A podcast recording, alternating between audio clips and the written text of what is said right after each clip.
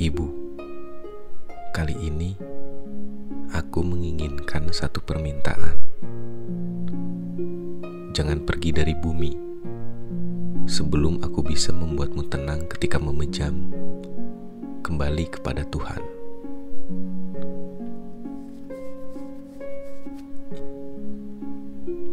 Kini aku sedang berjuang pada kehidupan. Engkau sedang berjuang pada doa umur panjang, hanya untuk melihat anaknya tumbuh dewasa dan menikmati dunia.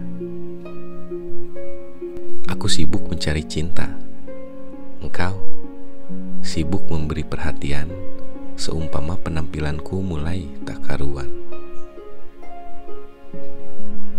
Aku salah satu orang yang masih beruntung ada dekap senyummu ketika si isi dunia mulai tak membelaku.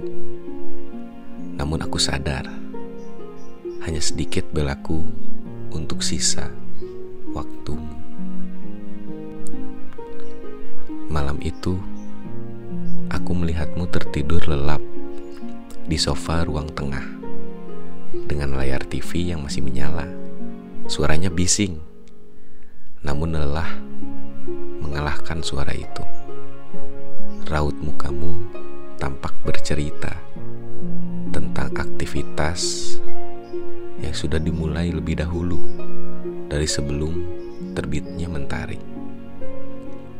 Nafasmu terasa dalam, seperti menghela karena lelah yang tidak dirasa.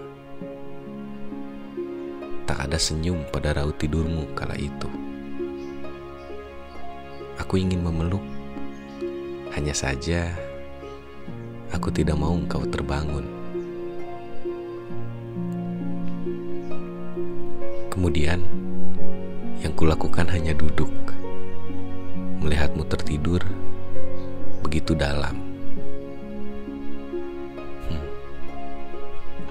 Sepertinya lima menit sudah berlalu semenjak aku terus memandangi wajahmu, wajah tidurmu.